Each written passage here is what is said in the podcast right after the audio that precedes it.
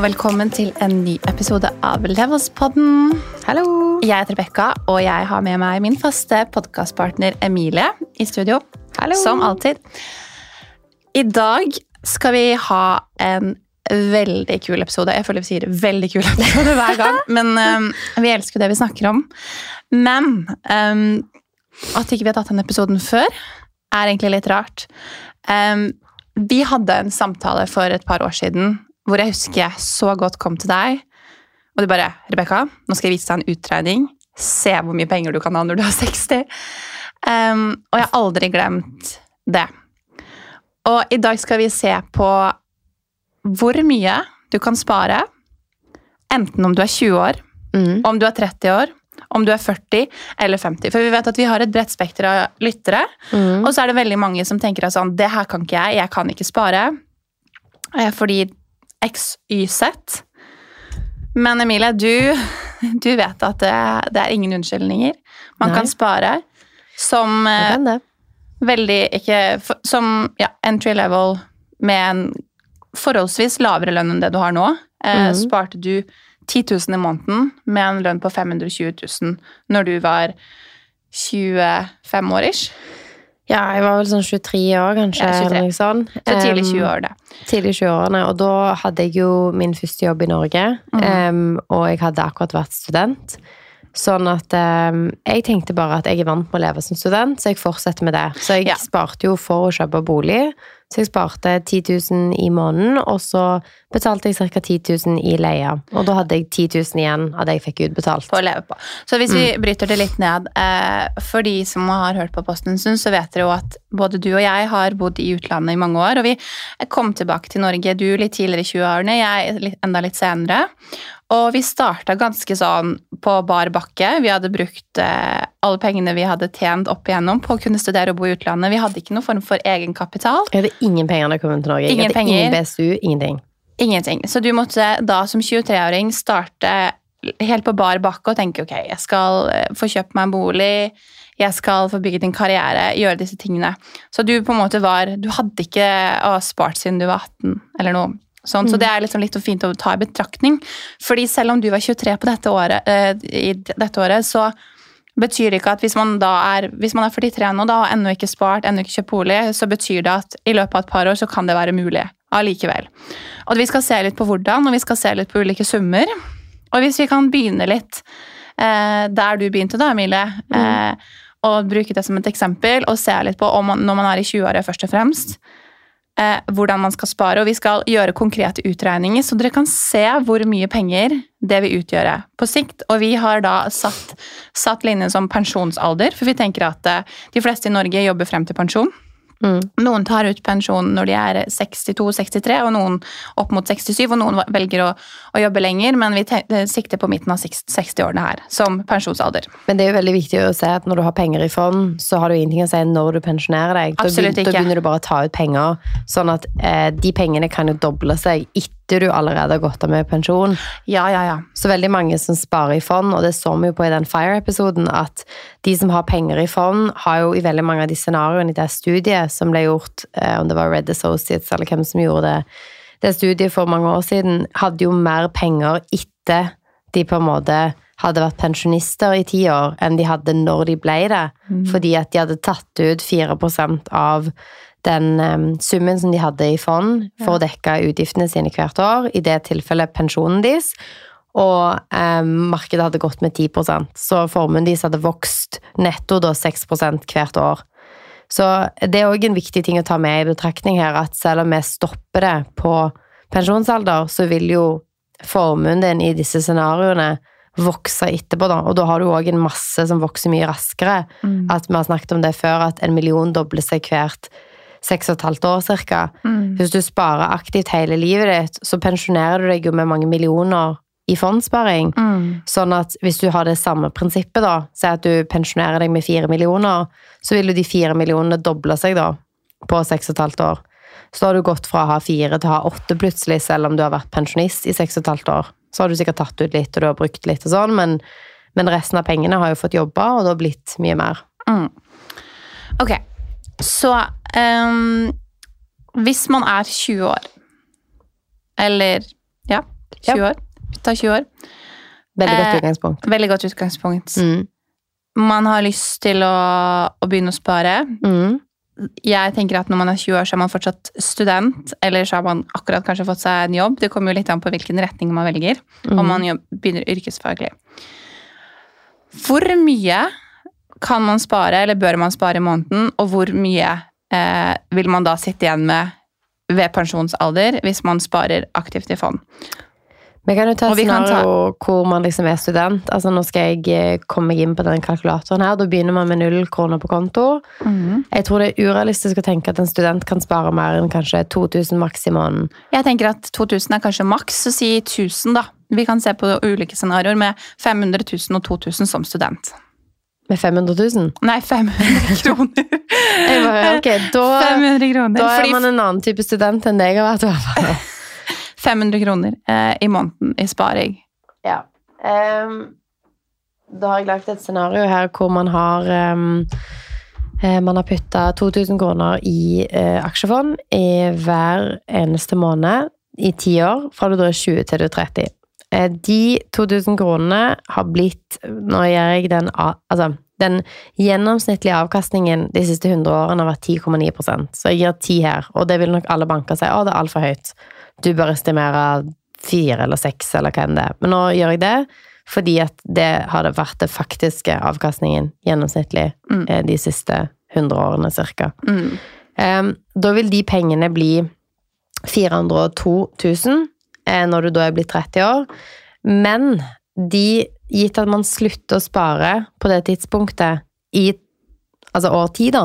Så du, du sparer 2000 kroner i måneden Yes, hver måned fra du er 20 til 30 år. Stemmer. Du slutter å spare når du er 30, Mm, og bare lar de stå.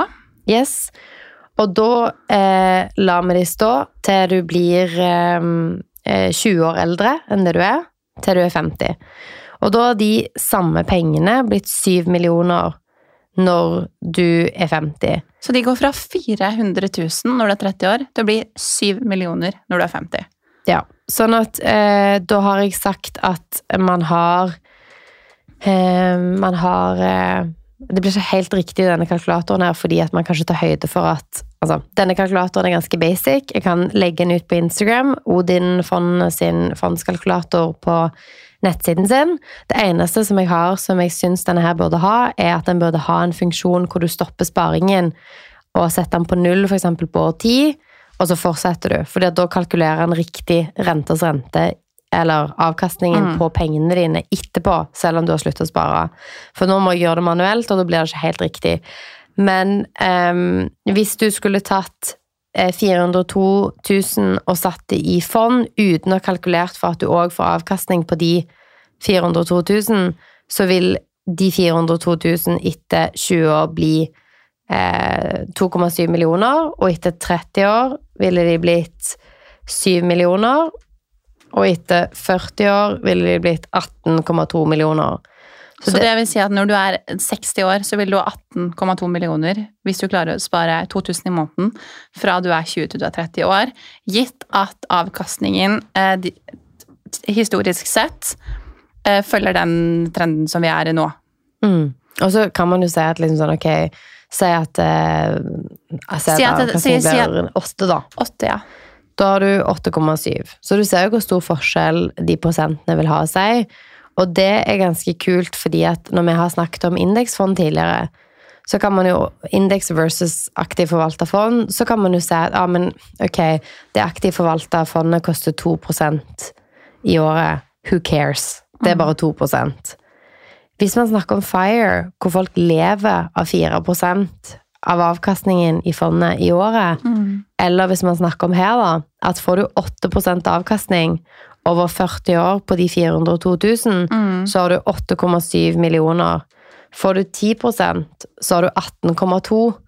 Da ser du hvor mye de to prosentene over tid har å si. Det er veldig stor forskjell, faktisk. Veldig stor forskjell. Så dette scenarioet her er jo for folk som klarer å spare når de er studenter. Det er skikkelig vanskelig. Det klarte ikke jeg. Nei, så si hvis man ikke klarer å spare 2000, si at hvis man skal klare å spare 1000. Ja, da tar man null i engangstegning. Du starter med null kroner. du sparer 1000 kroner i måneden, og du skal spare i Da kan man jo gjerne si at du sparer 1000 kroner i ti år. Da har du eh, 201 000. Ja. Og de 201 000, hvis du lar de stå, så blir de over 20 år 1,3 millioner. ja. Og da er man jo eh, 50 år. Så hvis du er 60 65, da, sier de skal stå i 35 år, og da skal du gå av med pensjon, da har du 5,6 millioner. Fordi at du sparte 1000 kroner i måneden fra du var 20 til du var 30 og lot det stå. Ja, og det er ti år. Det er ti år med sparing. Og det vil jo si at du slutter å spare når du er 30 år. Fordi det er veldig mange som sier sånn, ja, men jeg klarer kanskje ikke å spare så lenge, jeg skal kjøpe meg hus, eller for hus, kostnader i forhold til barn, sånne ting. Eh, så du kan rett og slett stoppe når du er 30, hvis du, hvis du velger å gjøre det, som vi absolutt ikke håper at du gjør. Jeg håper at du fortsetter å spare, fordi man også kanskje tjener mer. Men tenk bare hva det kunne blitt da, hvis du fortsetter å spare fra du er 30 til du er 40, fra du er 40 til, du er 50. Kanskje du kan spare mer. Så du viser jo nå bare mulighetene du kan ved å spare tidlig, og du kan spare veldig minimalt for å få veldig godt utbytte i lengden, da. Og eh, nå har ikke vi tatt utgangspunkt for inflasjon i disse tallene her, eh, så det vil jo ha en lavere på en måte, kjøp, altså, Du kan kjøpe mindre for 5,6 millioner om 35 år enn du kan i dag. Men ehm, det å på en måte tenke på 1000 kroner som student er mye penger i måneden. Men som en eh, 25-åring som har fått seg en jobb, og kanskje gjennomsnittslønnen i Norge er 500 000 cirka, eh, det å klare å spare 10 000, eller 1000 kroner i måneden, det klarer du. Det klarer du. Altså absolutt. Jeg, Alle som er studenter, eh, klarer å gå på byen og drikke øl. I hvert fall veldig mange som gjør det. Jo, jo, nå snakker vi om, om folk som jobber, ikke Jo, nødvendigvis jo, jo. studenter. Sånn at de fleste av oss er jo ferdige og kanskje begynner vår første jobb som 23, 24, 25-åring. Sånn at i den tidsintervallen vi snakker om nå, så er at du begynner når du er 25 og du har full jobb, og du har masse utsikter for å gå opp i lønn, og du kan jobbe overtid og alle disse tingene, så har du jo fem år igjen av den perioden i det scenarioet vi snakker om nå. Ja. Og jeg, på den første lønna jeg hadde, så sparte jeg 10 000 kroner i måneden. Og det høres ekstremt ut, og det er det kanskje. Jeg gjorde det for å kunne kjøpe min første leilighet, men um, den evnen som jeg bygde opp for å spare, har gjort veldig mye med mitt liv etterpå. Fordi at jeg, hver gang jeg har gått opp i lønn, som man gjerne gjør i perioden fra du er 20 til du er 30, så har du gjerne å, ok, du bytta jobb, du begynte kanskje på 400 000 en plass, og så bytta du jobb, så fikk du 450 og syv-åtte år etterpå så har du kanskje gått opp et par hundre tusen i lønn. Forskjellen på de som begynner å spare aggressivt når de begynner å jobbe, er jo at de lærer seg sjøl opp til å ta penger ut av det de har tjent, og fortsette å leve litt sånn som de gjorde når de var studenter. Eh, Det betyr ikke at jeg ikke tok meg friheten til å dra på ferier og gjøre kjekke ting, men det gjorde at jeg var veldig bevisst på at det var viktig først å betale meg sjøl i form av sparing, og etterpå betale meg sjøl i form av ting som skjer nå. Sånn legge penger til en ferie, kjøpe ting jeg ønsker meg. Og det, det er et veldig godt poeng det du sier der, for jeg tror veldig mange tenker at å ja, men jeg må være med på dette, dette nå, og det er veldig mye som frister og sånn, men tror, du var jo et veldig godt eksempel på at man kan få til begge. Eh, vær litt bevisst på det, eh, og, og tenk på det, for jeg tror vi har jo snakket om før at noen er litt sånn ignorant til kanskje tanker rundt det, eller bare pusher det litt vekk og tenker nei, jeg trenger ikke å tenke på det nå, fordi nå er jeg student, og det er det som betyr noe. Det er jo så klart det, men man kan planlegge for framtida. Og hvis man gjør noen små, enkle grep så tidlig som man kan, så får du supergod utbytte av det eh, seinere i livet. Så det er jo eh, veldig mange muligheter for dere som er i 20 år, eller i 20-årene, også før. Og etterpå. Jeg Og tror det, det er sykt viktig, fordi sånn, jeg sparte ingenting da jeg var student. Nei. Jeg gjorde ingen av disse tingene da jeg var student. Nei. Jeg begynte når jeg begynte å jobbe i min første jobb i Norge, så begynte jeg å spare, og da tror jeg jeg var 23 år. Sånn at eh, du kan absolutt begynne nå, du kan begynne når du er 30, du kan begynne når du er 40. Poenget er bare at forskjellen på de som begynner å lære seg dette når de begynner å tjene penger, eh, og som i perioden hvor de går opp mye i lønn, øker sparingen sin. Absolutt. Så når jeg gikk fra å tjene 500 000 i året til å tjene 800 000 i året, så visste jeg at jeg klarte å spare mye når jeg tjente 500 000 i året. Det vil si at jeg kan spare 300 000 mer i året når jeg tjener 800 Og den forskjellen mentalt gjør en sinnssyk uttelling i hva du får til etterpå. Det tror jeg på. De folkene som gikk fra å føle at de ikke hadde noen spareevne på 500 000, for de var sånn ja, men jeg, jeg har lyst til å gjøre disse, disse tingene, jeg har ikke råd til det. Og vi har jo hatt interessante samtaler opp igjennom eh, med folk med den holdningen. Ja, og de, eh, jeg er helt 100% sikker på at de vi snakker om der, de sparer i dag mindre på mye høyere lønninger enn det jeg gjorde når jeg tjente 500. Mm. Og det er jo den evnen over tid. Det er jo fordi at man vokser seg inn i forbruket man har. At hvis du tjener og du har en kjempehøy lønn, f.eks. 800 000 eller 900 000, så er man blitt vant med det forbruket man har når man har så høy lønn, kontra hvis den personen hver gang de gikk opp 50 000 i lønn eller 20 000 i lønn, eller Nå snakker vi om folk med veldig høye inntekter. Hvis man hele tiden på veien dit Dette er jo folk som er flinke i jobben sin, og som har godt betalte jobber, hadde satt av de eh, lønnsøkningene som de fikk, med å øke spareavtalen sin. At de sa at ok, jeg pleide å spare 500 000 Nei, 500 kroner i måneden. Eh, nå har jeg gått opp eh, med en tusenlapp i lønn hver måned. Da tar jeg og sparer den tusenlappen, fordi jeg vet at jeg klarte meg fint når jeg tjente 1000 kroner mindre i måneden. Mm. Og hvis man gjør det hele tiden, så tror jeg ikke man skal undervurdere effekten av det. Fordi veldig ofte så tenker man sånn Å, men, men jeg fikk jo bare en tusenlapp ekstra i måneden. Og den forsvinner bare på ting. Jeg vet godt hvordan jeg bruker penger. Jeg elsker jo å kjøpe ting som jeg, eh, som jeg syns er gøy, og tenker liksom ikke over sånne små beløp nødvendigvis. Men du, altså jeg har i hvert fall alltid klart meg med de pengene som har kommet inn på konto. Så hvis jeg har hatt en fast spareavtale som har gått hver måned, så har jeg liksom ikke tenkt på de. Det har Nei. liksom bare gått ut. seg selv. Og det har vi snakket om før òg, at eh, sett opp et trekk som går så du ikke merker de pengene, at ikke det går etterpå. Mm. At det går typ samme da, så det går i null. Eller ikke i null, men du, du, du ser ikke de pengene som blir borte, da. Um, Det er veldig viktig. det er veldig viktig. Ok, så hvis vi hopper til de som er eh, på vår alder Mm. Jeg tenker at liksom sånn Istedenfor at vi gjør for de forskjellige årene, fordi at denne kalkulatoren ikke eh, Den justerer ikke for hva alder du er når du begynner Nei. å spare. Så jeg tror ikke at vi nødvendigvis lager det som et case, men at vi heller snur det og sier at nå har vi snakket om noen som ikke har en inntekt, som sparer og er dyktige. Kanskje de har en sidejobb mens de er studenter, og derfor klarer de å spare en tusenlapp eller 2000 kroner. La oss snakke om de folkene som òg begynner på null, men som klarer å spare høyere beløp i måneden. Yes. Fordi at er du en person som tjener 600 eller 500 eller 450 eller hva enn det er i året, så kan man lage forskjellige scenarioer for Si scenarioet som jeg hadde da. Jeg sparte 10 000 kroner i måneden. Det er mye. Det er mye. Det er veldig mye.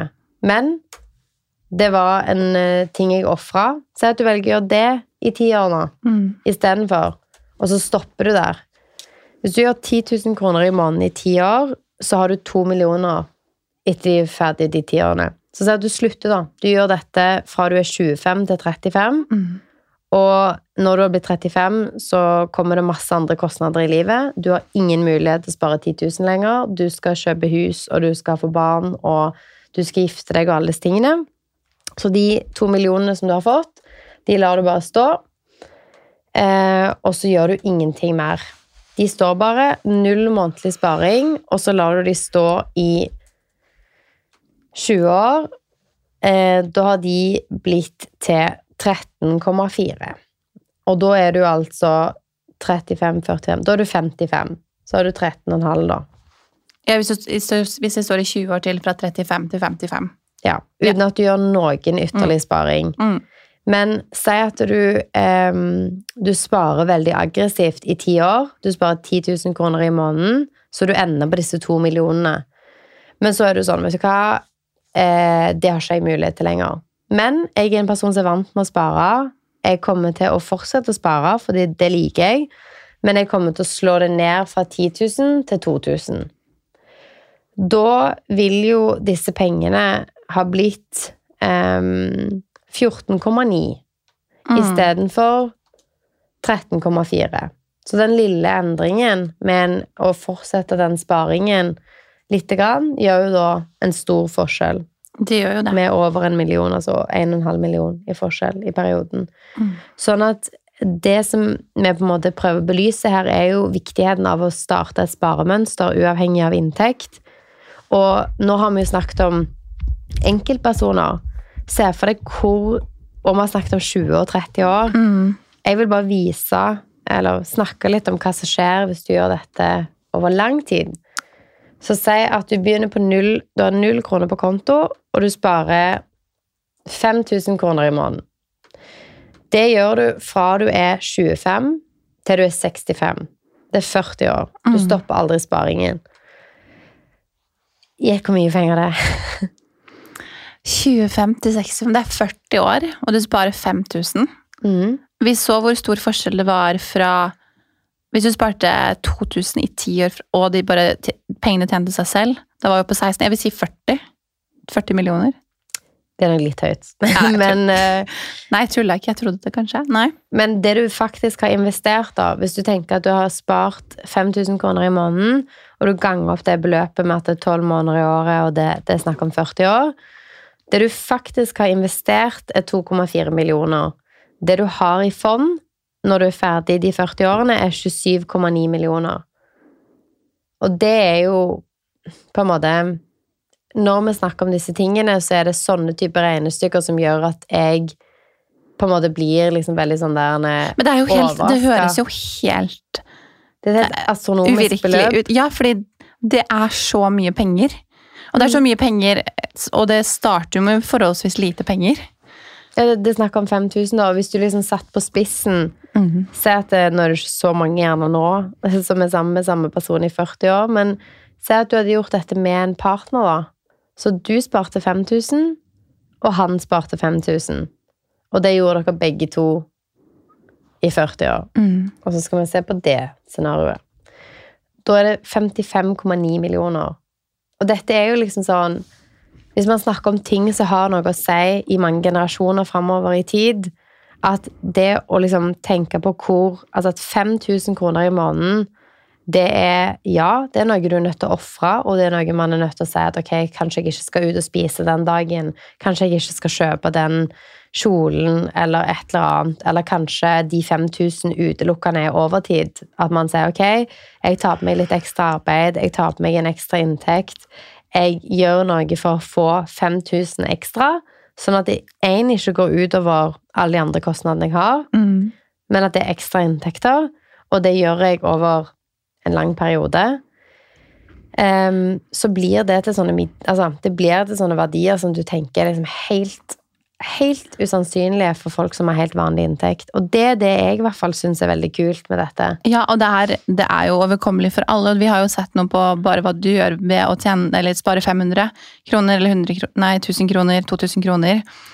Eh, Det er også veldig interessant for de som har barn, for jeg vet at det er flere eh, foreldre som begynner å, å sette penger ofte i sparekonto for barn, men hvis de eh, setter penger på, i fond for barn, um, si fra de er født, og månedlig beløp Hva er det man får i, um, av den norske stat per barn i måneden? Er det 1200? i barnebidrag. Um, du spør riktig person. Det kan jeg finne ut av veldig veldig fort. Ja. Men si, si, si 1000, da. Si hva hvis man sparer 1000 Ja, det- kroner til barnet sitt i måneden. 1200 er det du får, tror jeg. Ser det ut som, i hvert fall på Google. Så si at vi lager dette scenarioet for noen som får det, da. 1200 kroner. Og i dette scenarioet så um, tar vi én hensyn til at du, du skal spare det fulle beløpet. Du skal spare 1200 kroner i måneden hver eneste måned. Er det barnetrygd det heter? Ja, barnetrygd heter det. Barnebidrag er jo sånn. Ok, så du skal spare de 1200 som du får hver måned, eh, og det skal du gjøre i 18 år, for det er så lenge du får de pengene. Hvis du hadde bare satt de pengene på konto, så ville de pengene blitt 259 000. Eh, Da hadde du tatt de 1200 hver eneste måned i 18 måneder, 18 år, og satt det på en konto. Mm. Det er det veldig mange som eh, gjør, eller deler av beløpet. Nå har vi tatt høyde for at du ikke trenger noen av de pengene for å faktisk kjøpe inn essensielle ting til barnet. Vi skal òg lage et scenario hvor du gjør halvparten. De pengene har da blitt 691 000 når barnet ditt blir 18 år. Og eh, når et barn er 18 år, eller når en voksen person er 18 år, så er det jo kanskje ikke at du har lyst til å Altså, det å kunne gi noen 700 000 ut ifra på en måte intet, er jo ganske sykt, syns jeg. Det er vilt. Men det som er kult, er hvis du tar de 691 000, og så sier du at nå skal vi ikke sette inn noen ting mer i måneden. Nå skal vi sette de pengene i et indeksfond, eller vi skal fortsette å ha det i det indeksfondet som vi har spart i, fram til de er 25, for da har de lyst til å kjøpe sin første bolig. Fra du er 18 til du er 25, så er det syv år. Mm. Så la oss si da at du tar de 691 000, som de pengene har blitt. Du tar null i månedlig sparing. Og med en eh, 8% avkastning. 8% avkastning i syv år, hadde de 691 000 blitt til 1,2 millioner cirka.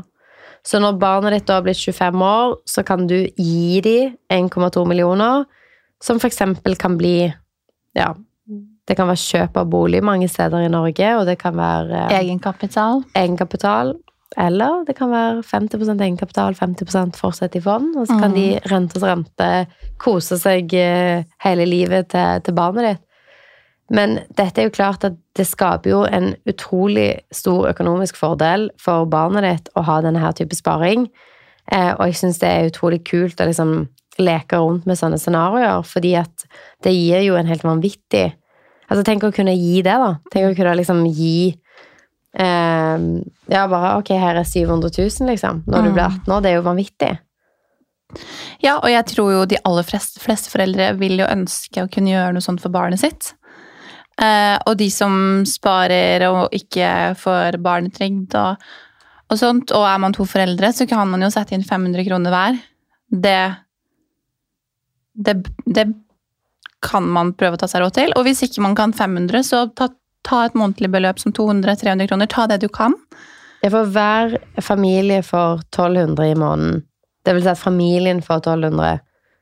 Um, sånn at hvis du sparer halvparten av det og bruker halvparten, så Mm. 600 av de går til mat, bleier, alt som trengs, og så velger du å spare de andre 600, og du gjør det samme scenarioet. 18 år, og du gjør eh, akkurat det samme. Da har du 345 000 når barnet ditt blir 18.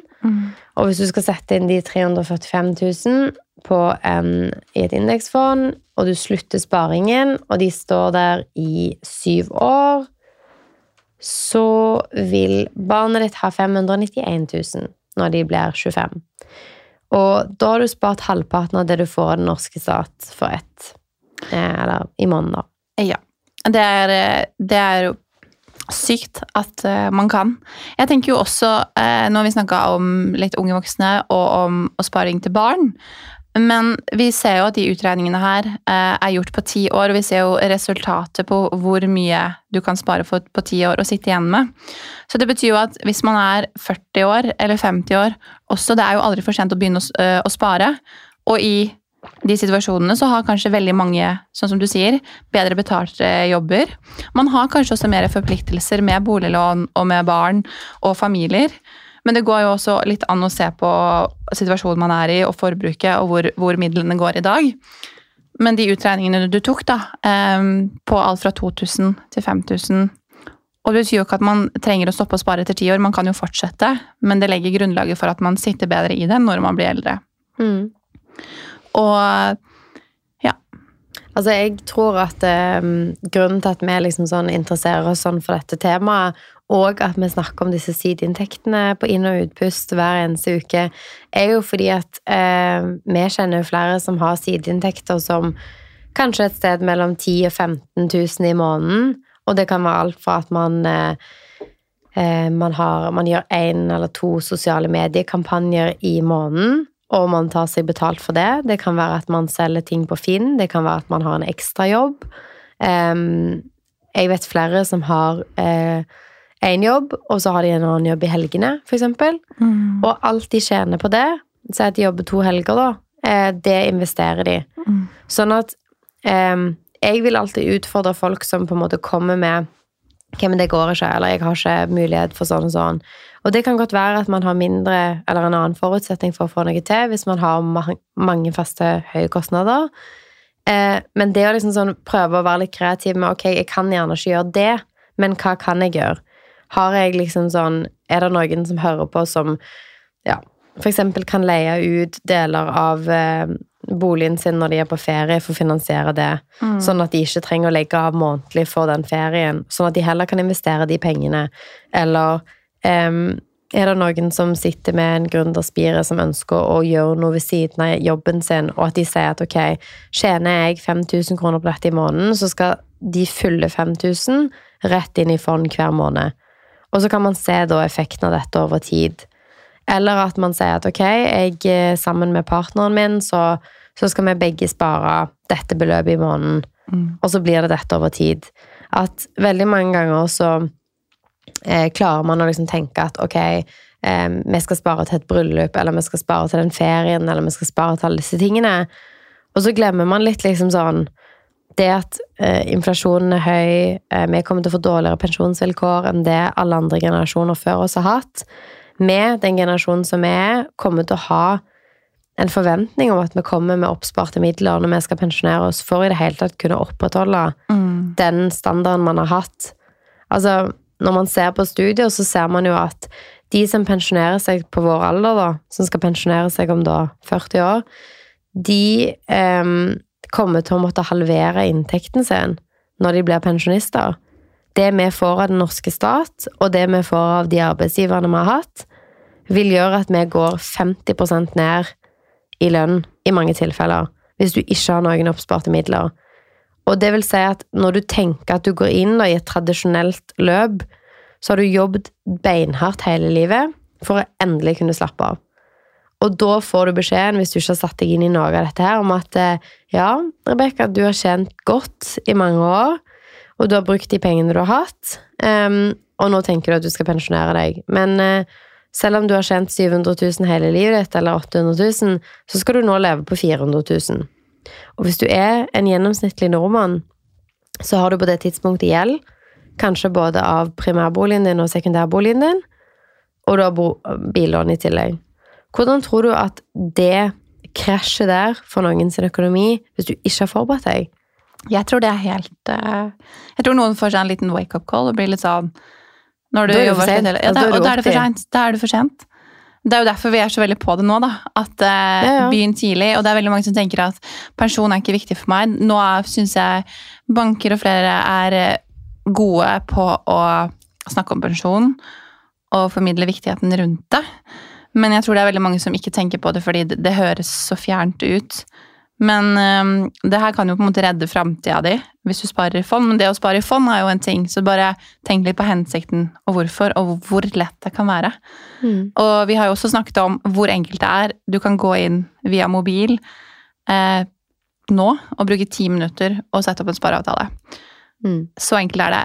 Eh, vi har lyst til å høre om eh, tankene deres rundt det her.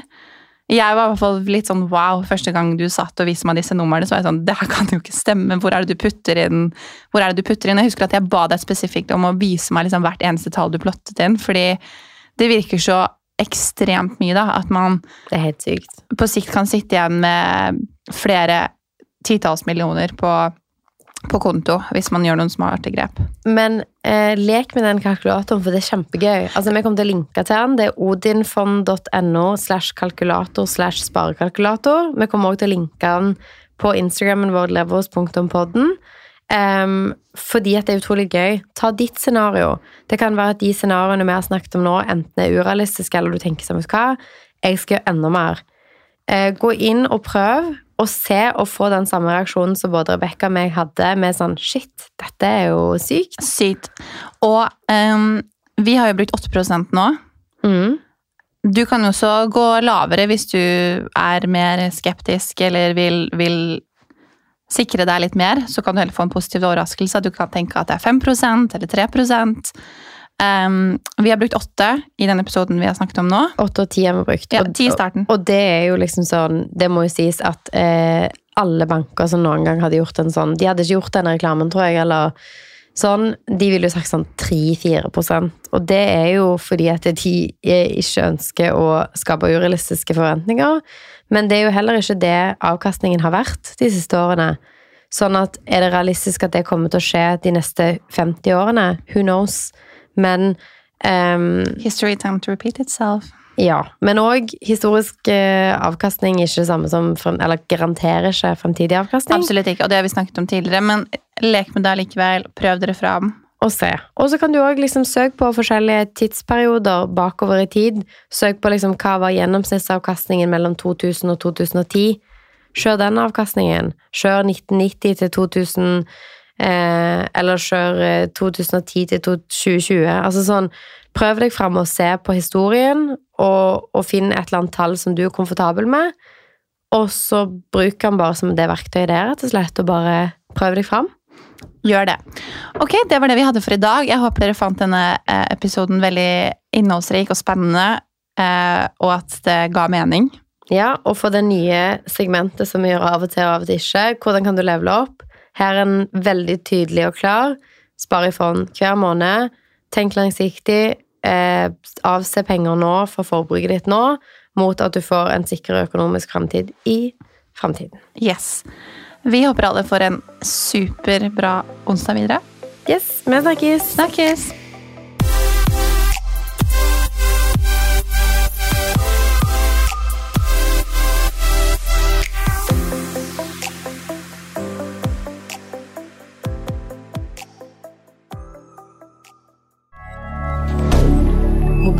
dire